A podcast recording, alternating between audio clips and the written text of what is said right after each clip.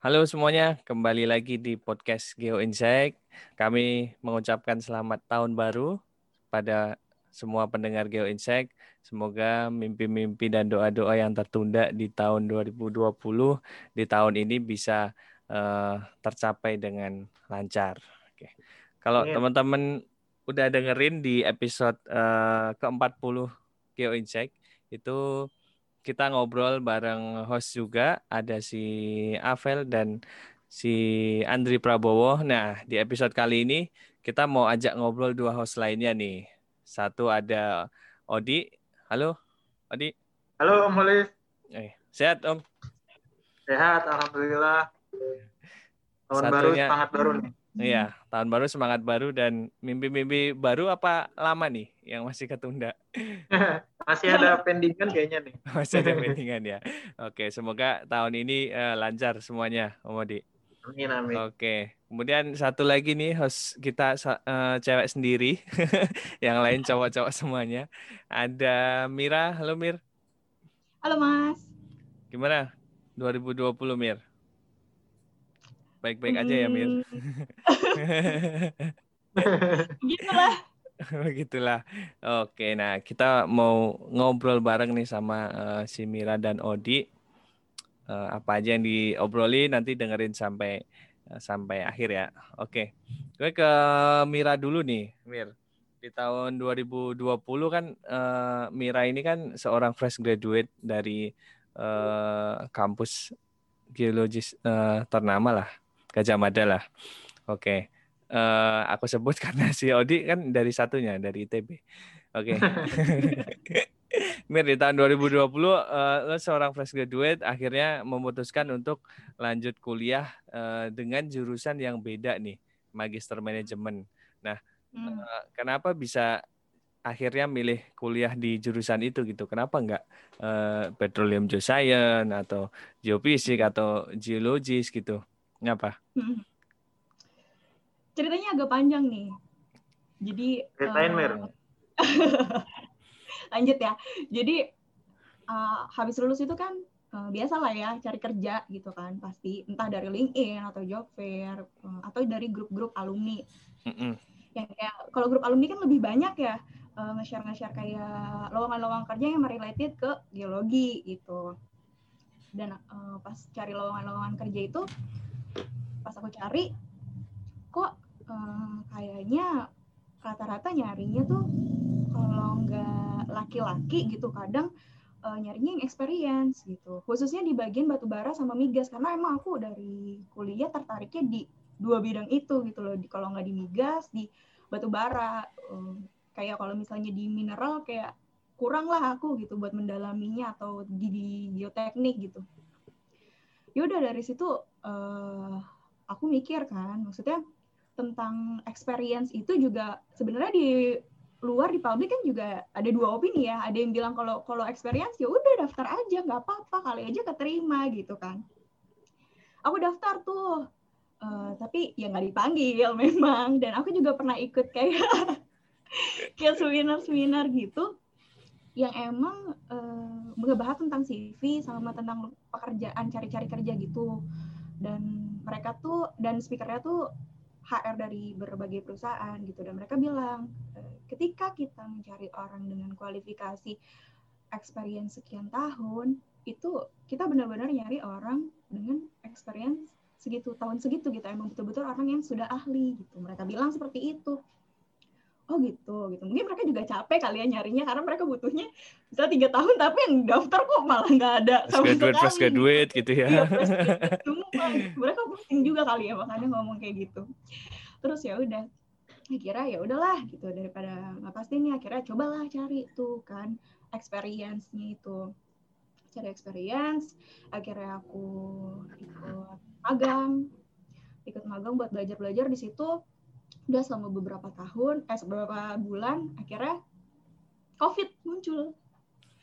Gitu kan di bulan kalau nggak salah covid tuh kan udah dari awal-awal awal-awal tahun awal-awal Maret. itu kan. Maret. Terus WFH tuh mulai April. Ya yeah. kalau nggak salah nah ya udah akhirnya WFH pas WFH kebetulan pas WFH tuh selesai satu proyek. Terus mau lanjut ke proyek selanjutnya aku tuh pengen banget belajar software gitu. Cuman kalau belajar software sendirian gitu di rumah dari nol kayaknya agak rumit Enggak. gitu ya. Iya, iya, iya. Gimana ya kalau mau nanya-nanya sama ntar juga agak rumit gitu karena online gitu kan. Mm -hmm. ya udah. Saya kira udah tuh dari situ mikir apa ini ya coba-coba um, cari di selain uh, geologi gitu karena emang umurku kan pas itu 2000 eh, 2020 tuh udah 24 tahun. Covid kirain, nih jelas. Kirain 20, Mir. Hmm. 20 20 nah, umur berapa? 20. Eh, berapa umur ya? Sekarang berapa umurnya? Sekarang 17. Udah tipis dong gua 20. ya udahlah akhirnya gara-gara covid gitu terus juga mikir umur udah 24 tahun mau dapet experience juga di mana ya kayak gini kalau uh, WFH kayak gini nggak selesai nggak tahu juga selesainya kapan covid itu terus lihat juga banyak perusahaan-perusahaan yang kolaps juga kan banyak yang PHK malah gitu kan wah eh, nggak uh, bisa kayak gini nih sedangkan kalau fresh grad juga mereka nyarinya biasanya ada batas umurnya kalau S1 tuh 25 26 gitu. Iya, iya benar. Mm -mm. Gak bisa kayak gitu tuh. Ya udah, kira mikir lah kan apa selain geologi ya gitu. Kalau selain geologi nih apa nih gitu.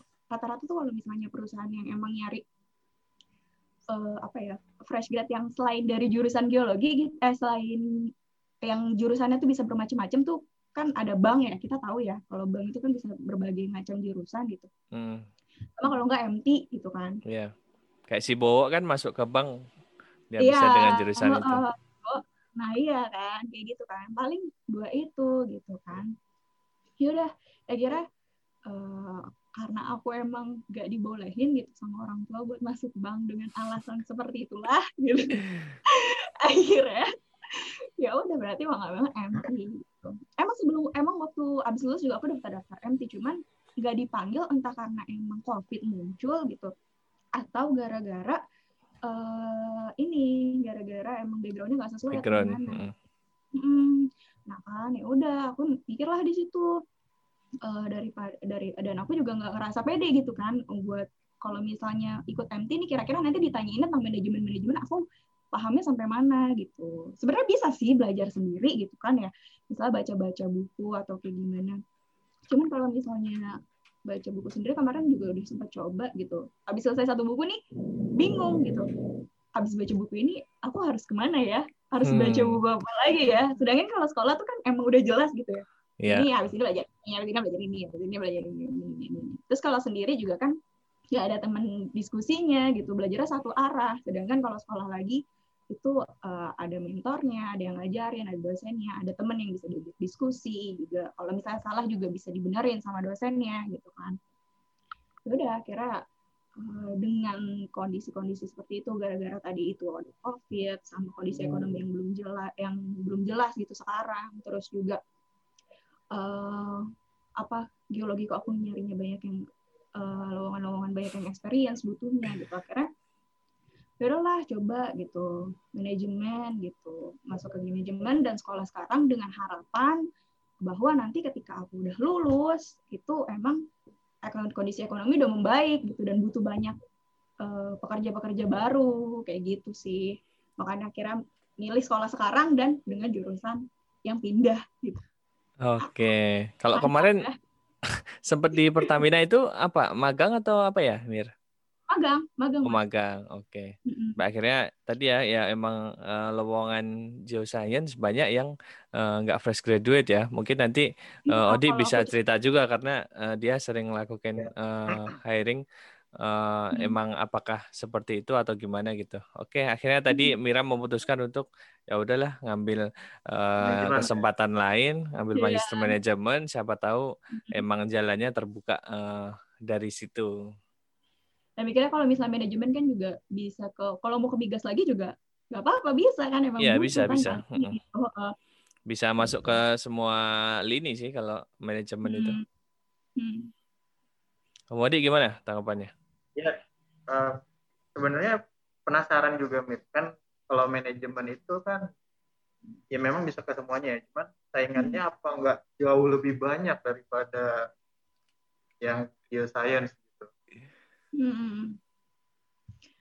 Aku sih mikirnya ya Mas, emang saingannya pasti akan lebih banyak, pasti akan lebih eh, apa ya di disaring gitu ya siapa Mm-mm. yang ini. Cuman selama kita bisa buat coba buat survive di situ ya kenapa enggak gitu loh coba di ranah yang lain. Karena ketika lowongannya aja susah buat aku gitu aku mau masuk pun nggak bisa gitu loh. Ya, ya, tersendat ngerasa kayak tersendat untuk mau masuk. Tapi setidaknya kalau misalnya walaupun dia banyak itu yang lowongannya juga banyak gitu. Jadi ya setidaknya mencoba ya. lah bisa buat masuk buat apply gitu. Iya Mir, kan tadi sekolah manajemennya, cuman sekarang kan orang udah pada mulai kayak jualan online lah. Hampir semua yang aku kenal tuh mulai kayak jual-jual makanan, produk. Ada opsi ke sana nggak sebenarnya kalau selain dari kuliah? jadi waktu dulu kan sebenarnya dari zaman SMA ya aku tuh seneng banget eh, yang namanya jualan makanya itu juga jadi salah satu opsi aku kenapa mau masuk manajemen bisnis gitu dulu emang sempat kepikiran mau masuk manajemen bisnis dan terus eh, dari SMA itu jualan akhirnya pas kuliah vakum. Karena emang sama orang tua coba deh kamu fokus dulu aja eh, kuliahnya. Karena emang cukup eh, apa ya manajemen waktunya tuh cukup rumit gitu loh buat ketemu sama orang ngurusin eh, apa namanya pesanan dan beli barangnya dan segala macamnya itu gitu terus ya udah oke aku fokus ke kuliah aja dulu S1 terus pas S1 juga eh, aku akhirnya kalau masuk eh, divisi-divisi organisasi gitu pasti masuknya danus. Pasti dana usaha pasti suruh jualan gitu. Ya udah akhirnya udah.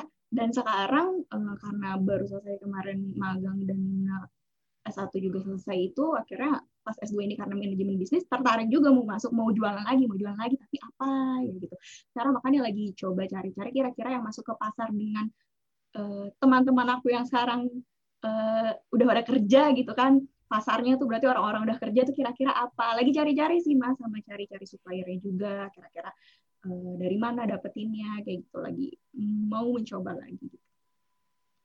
Menarik, menarik. Bisa join nggak? Oh, jadi Mira Modalnya emang udah ya punya basic kayak gitu juga ya untuk eh, jualan-jualan online.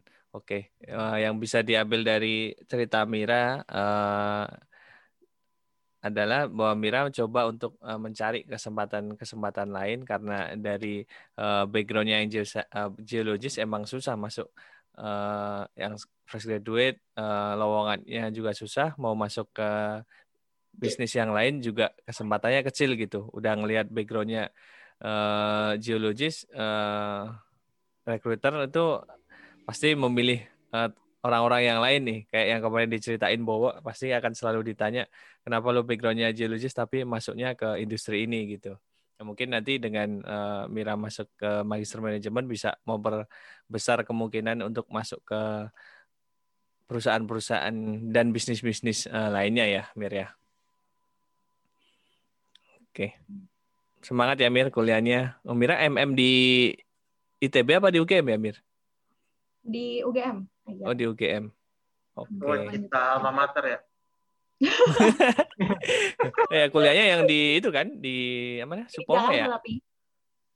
iya yang di Jakarta Oh, oh, belum pernah oke. ke kampus Pernah Oh iya belum pernah ke kampus. kelas oke. online ini Oke, kita ke Odi dulu nih. Nah, Ya. Odi ini kan eh, kalau teman-teman pasti udah pada kenal lah eh, yang teman-teman di eh, lingkungan geoscience. nah, selain si Odi sekarang lagi kerja di PT RDA Teknologi Indonesia sebagai technical manager ya, dia. Benar ya? Iya, betul. Oh, oke, Bos.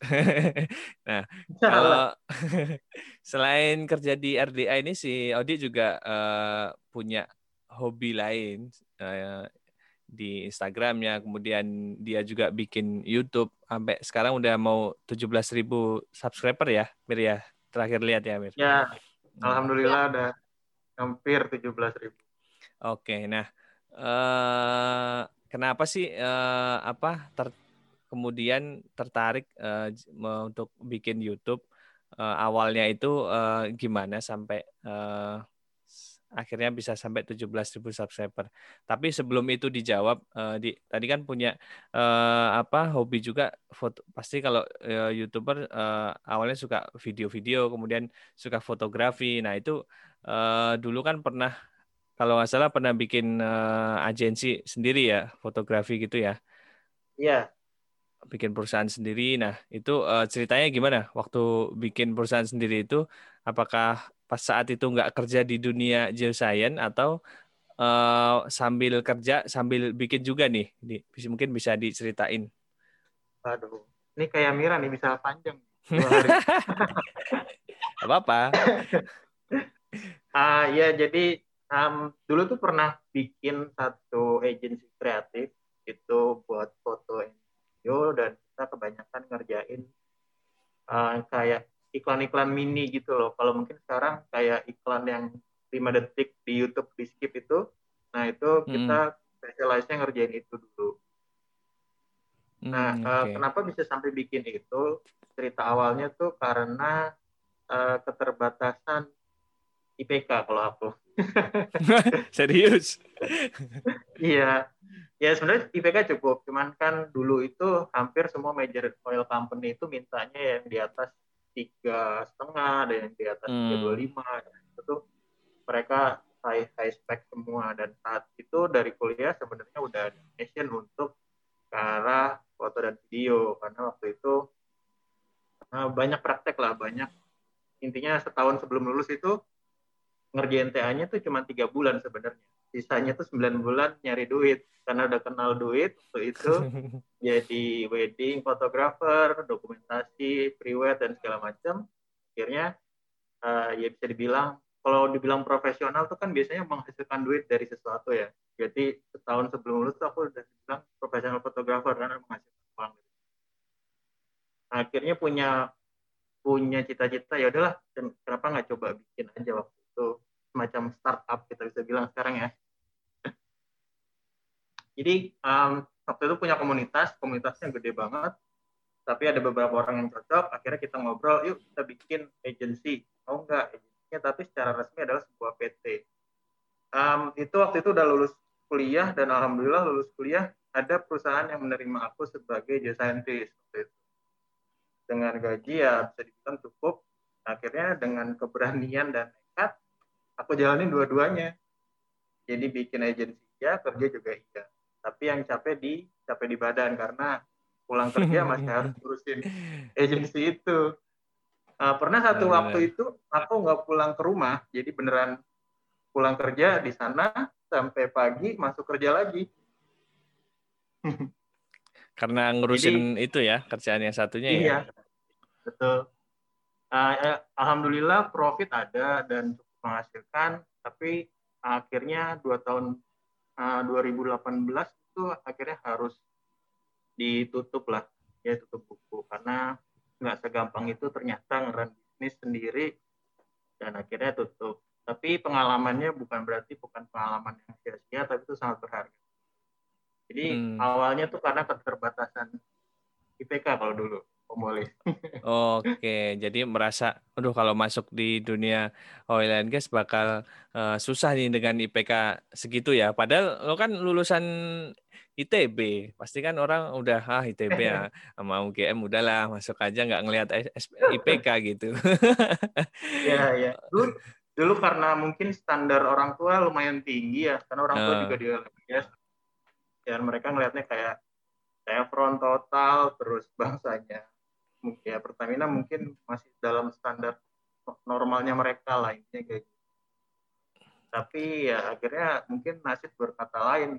Saya masuk di perusahaan terus sempat ke ya, multinasional di services tapi bukan di oil and gas, ya bukan di oil company di beberapa multinasional ya akhirnya uh, sampai saat ini sih bisa dibilang ya bukan berarti lulusan gajah duduk bagus tapi ya intinya uh, bisa lah loncat dari satu tempat ke tempat lain itu sedikit lebih mudah para gajah okay. itu.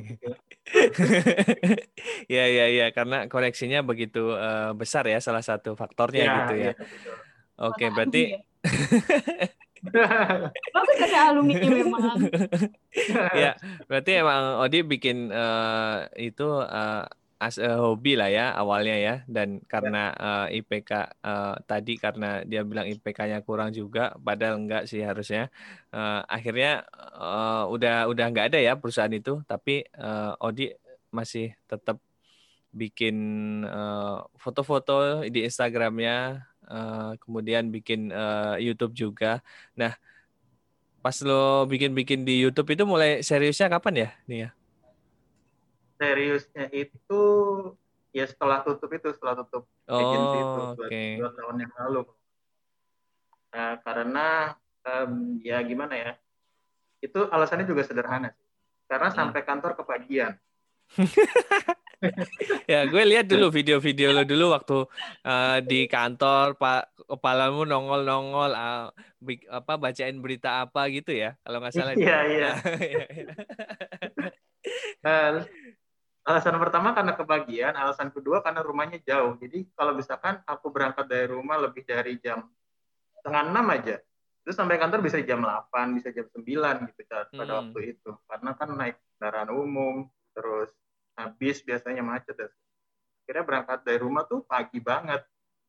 Jam jam 5 tuh udah jalan dan sampai kantor itu setengah tujuh. Jadi dari setengah tujuh sampai jam 8 itu aku punya waktu satu setengah jam buat uh, research karena dulu kayak oh masih pengen foto dan video kan akhirnya nontonin YouTube nonton nonton nonton masa gue nggak bisa sih bikin kayak gini kayaknya orang bikin kayak gini bisa deh akhirnya dari kebagian itu satu setengah jam sebelum bekerja itu dipakai buat mencoba YouTube Oke, okay. gitu.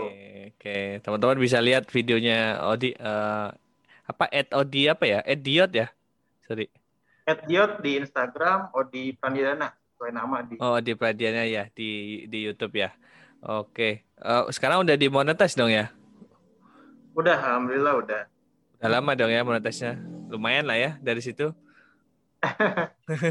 dapat duit ya. dapat dapat duit dapat alhamdulillah tapi mungkin nggak sebanyak yang dibayangkan lah ya. ya iya, bisa buat beli buat inilah beli baju anak lah. cukup lah kalau itu cukup lah. nah, ini uh, sebelum dilanjutin Mira nih, uh, apa kan dulu kerja uh, kerja lu kan uh, banyak nih pindah-pindah kan. Uh, hmm.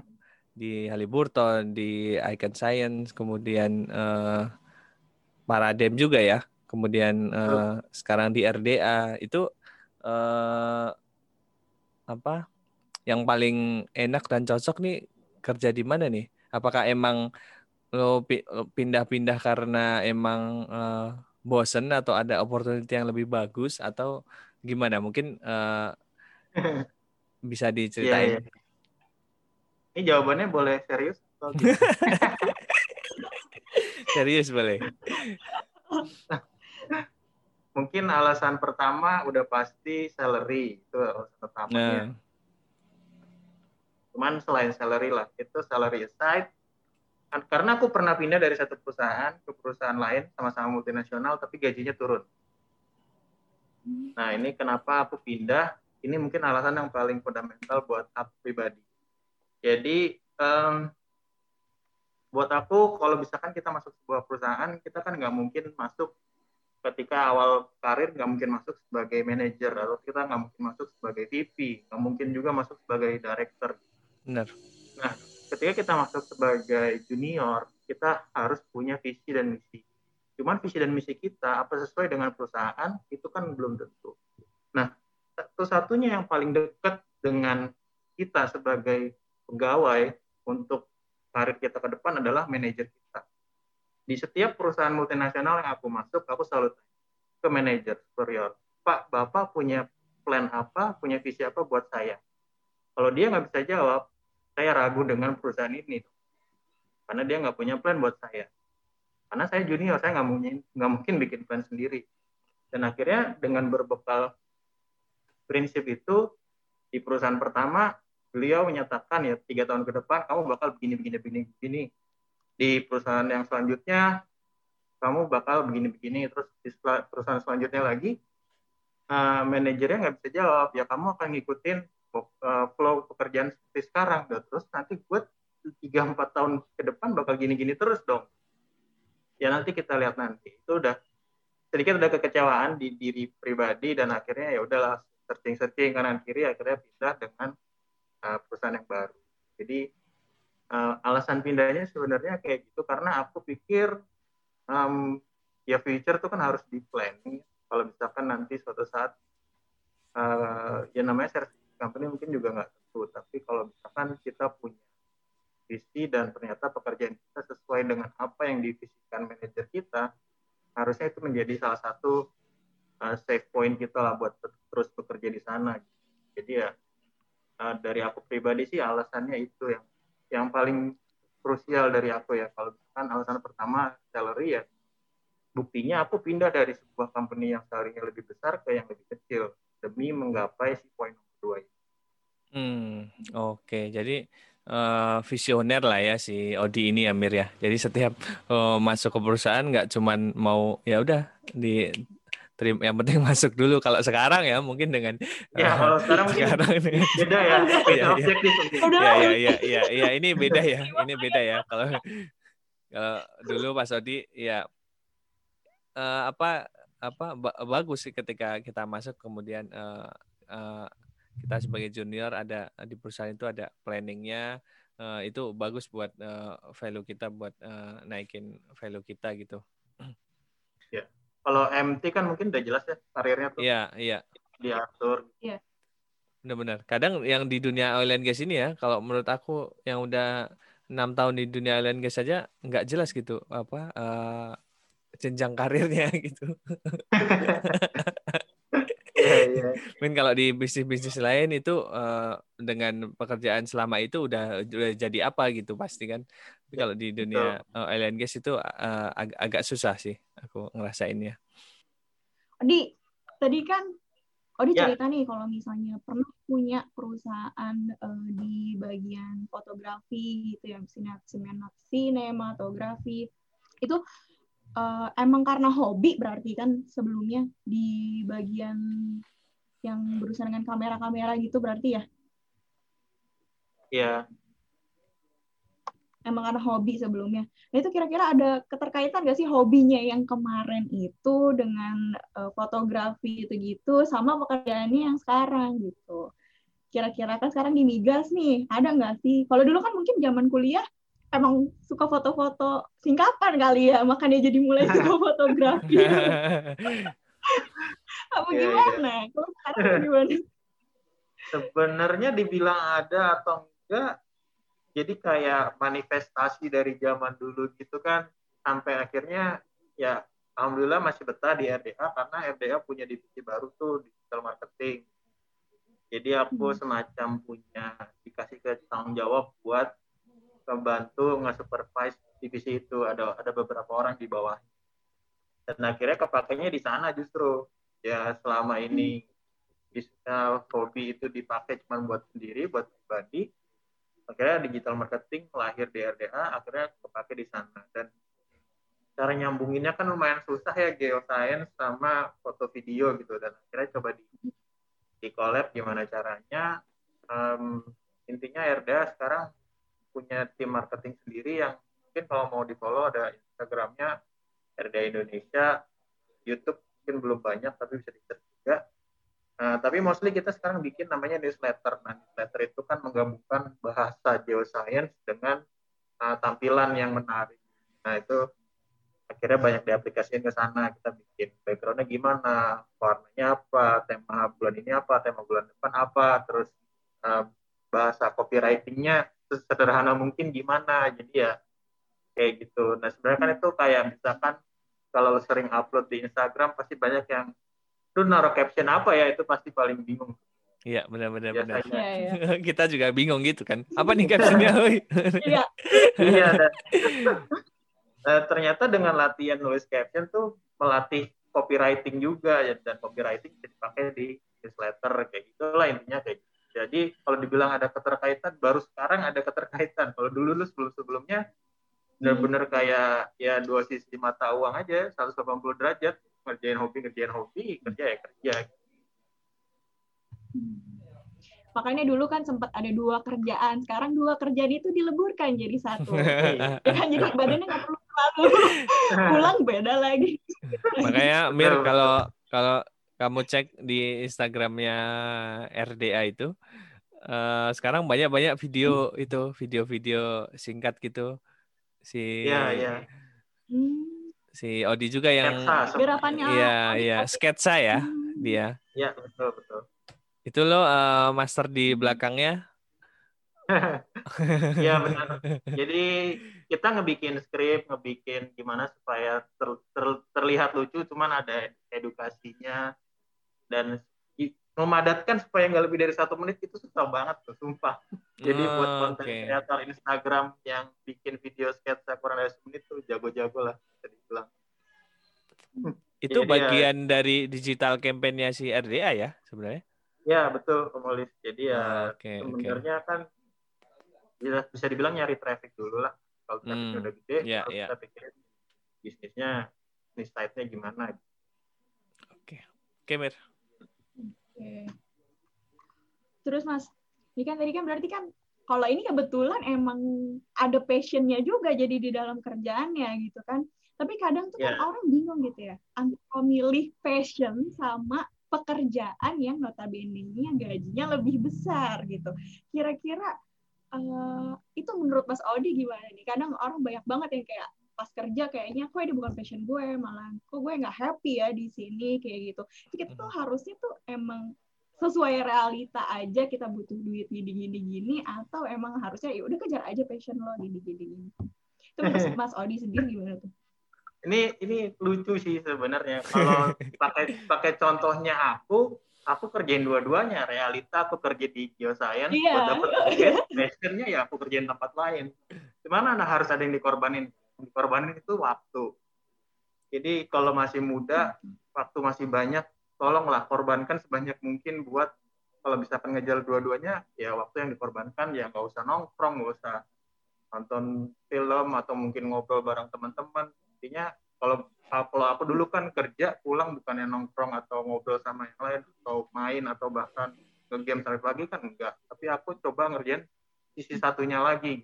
Jadi tetap ada korban korbannya waktu kalau buat aku pribadi dan itu akhirnya terbayarkan uh, di, di sekarang gitu dan akhirnya ternyata kok ilmu itu kepake ya sekarang bahkan untuk bioscience gitu jadi apakah mengejar realita dan passion itu bisa dikerjakan dua-duanya tapi mengorbankan waktu.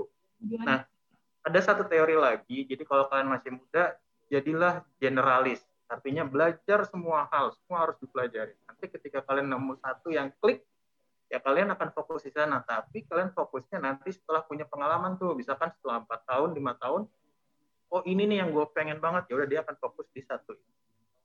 Jadi being generalis itu di waktu muda sangat bagus, nanti ketika sudah mulai dapat karir, dapat pengalaman, kalian akan tahu mana yang harus kalian spesialisin di satu posisi itu. Gitu. Ya mungkin tingkatnya gitulah dari aku. Oke, ya, jadi ya, sebenarnya ya. bisa dikerjain ya, uh, juga uh, dua-duanya ya, tapi ya itu tadi ya. korbanin hmm. waktu juga. Iya mungkin bagi teman-teman yang bingung ya uh, kerja tapi uh, misal dengan salary yang gede tapi bukan passionnya ya itu bisa uh, kembali ke diri masing-masing ya kalau kamu ngikutin passion kamu bakal uh, bisa nggak uh, se sejauh sejauh yang sekarang gitu atau bahkan Betul. bisa bisa lebih gitu tapi kan di depan ngelihat se bisa sebisa apa passion gua ngebayar hidup gua gitu kan iya iya benar benar benar tentunya iya iya. Ya. iya iya. Tentunya dengan uh, iya balik lagi ke kondisi kita sendiri ya kondisi keluarga kita gimana gitu kan itu kan sangat sangat pengaruh juga dalam uh, banyak pilihan hidup kita gitu. Kita kayak Mira mau milih uh, kuliah lagi ya kalau emang sekarang alhamdulillah Mira bisa uh, kuliah gitu. Banyak juga ya teman-teman yang lain yang nggak bisa lanjut uh, eh, S2-nya gitu. Mau nggak mau harus berjuang udah uh, udah S1 aja nih susah nih kondisinya gitu. Mau apalagi mau uh, lanjut S2 gitu. Jadi mereka uh, tetap berjuang dengan uh, uh, apa background yang udah mereka miliki. Oke. Okay. Yeah. mungkin satu Molis mungkin yeah. tips buat kayak mungkin teman-teman masih bingung passion passion itu cara nyarinya gimana tuh ini passion gue tuh dari mana? Hmm, uh, mungkin betul. secara simpel ya kalau kalian belum bisa begadang sampai jam 4 pagi dan jam 7 pagi masih harus kerja uh, untuk melek pengerjain passion kalian ya itu berarti bukan passion. Lepasin aja lah. Kalau jam 10 misalkan ngerjain sesuatu yang menurut kalian passion tapi udah ngantuk udah lah lepasin itu bukan passion kalau kalian jam 10 ngerjain masih bisa sampai stay sampai jam 4 pagi probably itu adalah 70% passion kalian passion dari iya. situ ya oke okay. benar jadi eh, kalau kalian dikasih satu topik terus kalian semangat buat ayo ayo ayo dan segala macam follow up terus dan terus terus terus terus dengan topik yang sama bisa jadi gitu tapi ya dari aku pribadi pengalaman kalau kalian masih bisa stay up mengerjakan sesuatu yang kalian suka dan pengen dan besokannya masih harus mengerjakan hal lain itu bisa jadi passion kalian kalau kalian udah ya sepuluh udah lah gue nonton drakor aja ya Oke oke itu. nonton ya. drakor berarti ya. oh, benar benar benar. ya itu tips yang uh, bagus dari si Odi. Jadi kalau ya itu cara simpel kalau mau tahu passion lo ya kerjaan sesuatu kalau itu suka oh bakal bisa bertahan lama dengan uh, kerjaan itu gitu. Oke. Okay. Mira mungkin passionnya uh, tadi karena apa sering di dana usaha dan jualan-jualan sekarang akhirnya masuk ya, uh, manajemen juga Mer ya. Iya. betul, betul. Mungkin teman nanti kalau lo udah mulai mau bisnis apa kasih tahu Mir ke kita Mir. Ya Mir, ikutan Mir. biar kita promosiin Modal gitu. modalnya tolong. Modal adalah Om Olis banyak. Om Odi itu yang dari modal YouTube-nya ambil aja Mir. Tapi harus jelas dulu dong bisnisnya apa.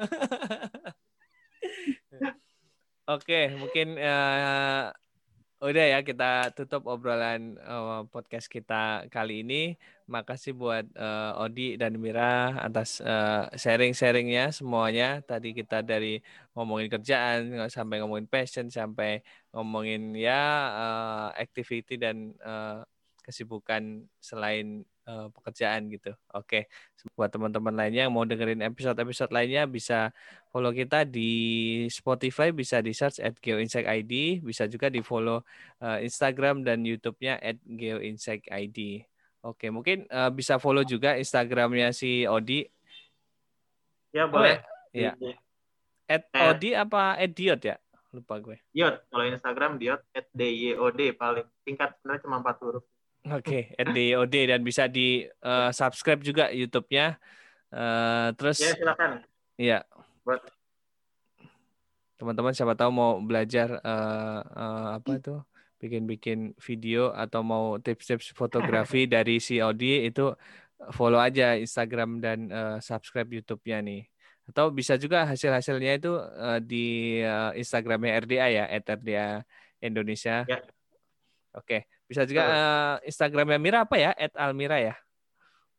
Almira Fahmi. Oke. Okay. Gak ada apa-apanya tapi gak ada tips. apa apa nanti. Ya, siapa tahu ada yang mau follow. Iya, siapa tahu ada yang tadi mau ngasih tips bisnis buat buat lo gitu iya, Mir. Mati modal ya.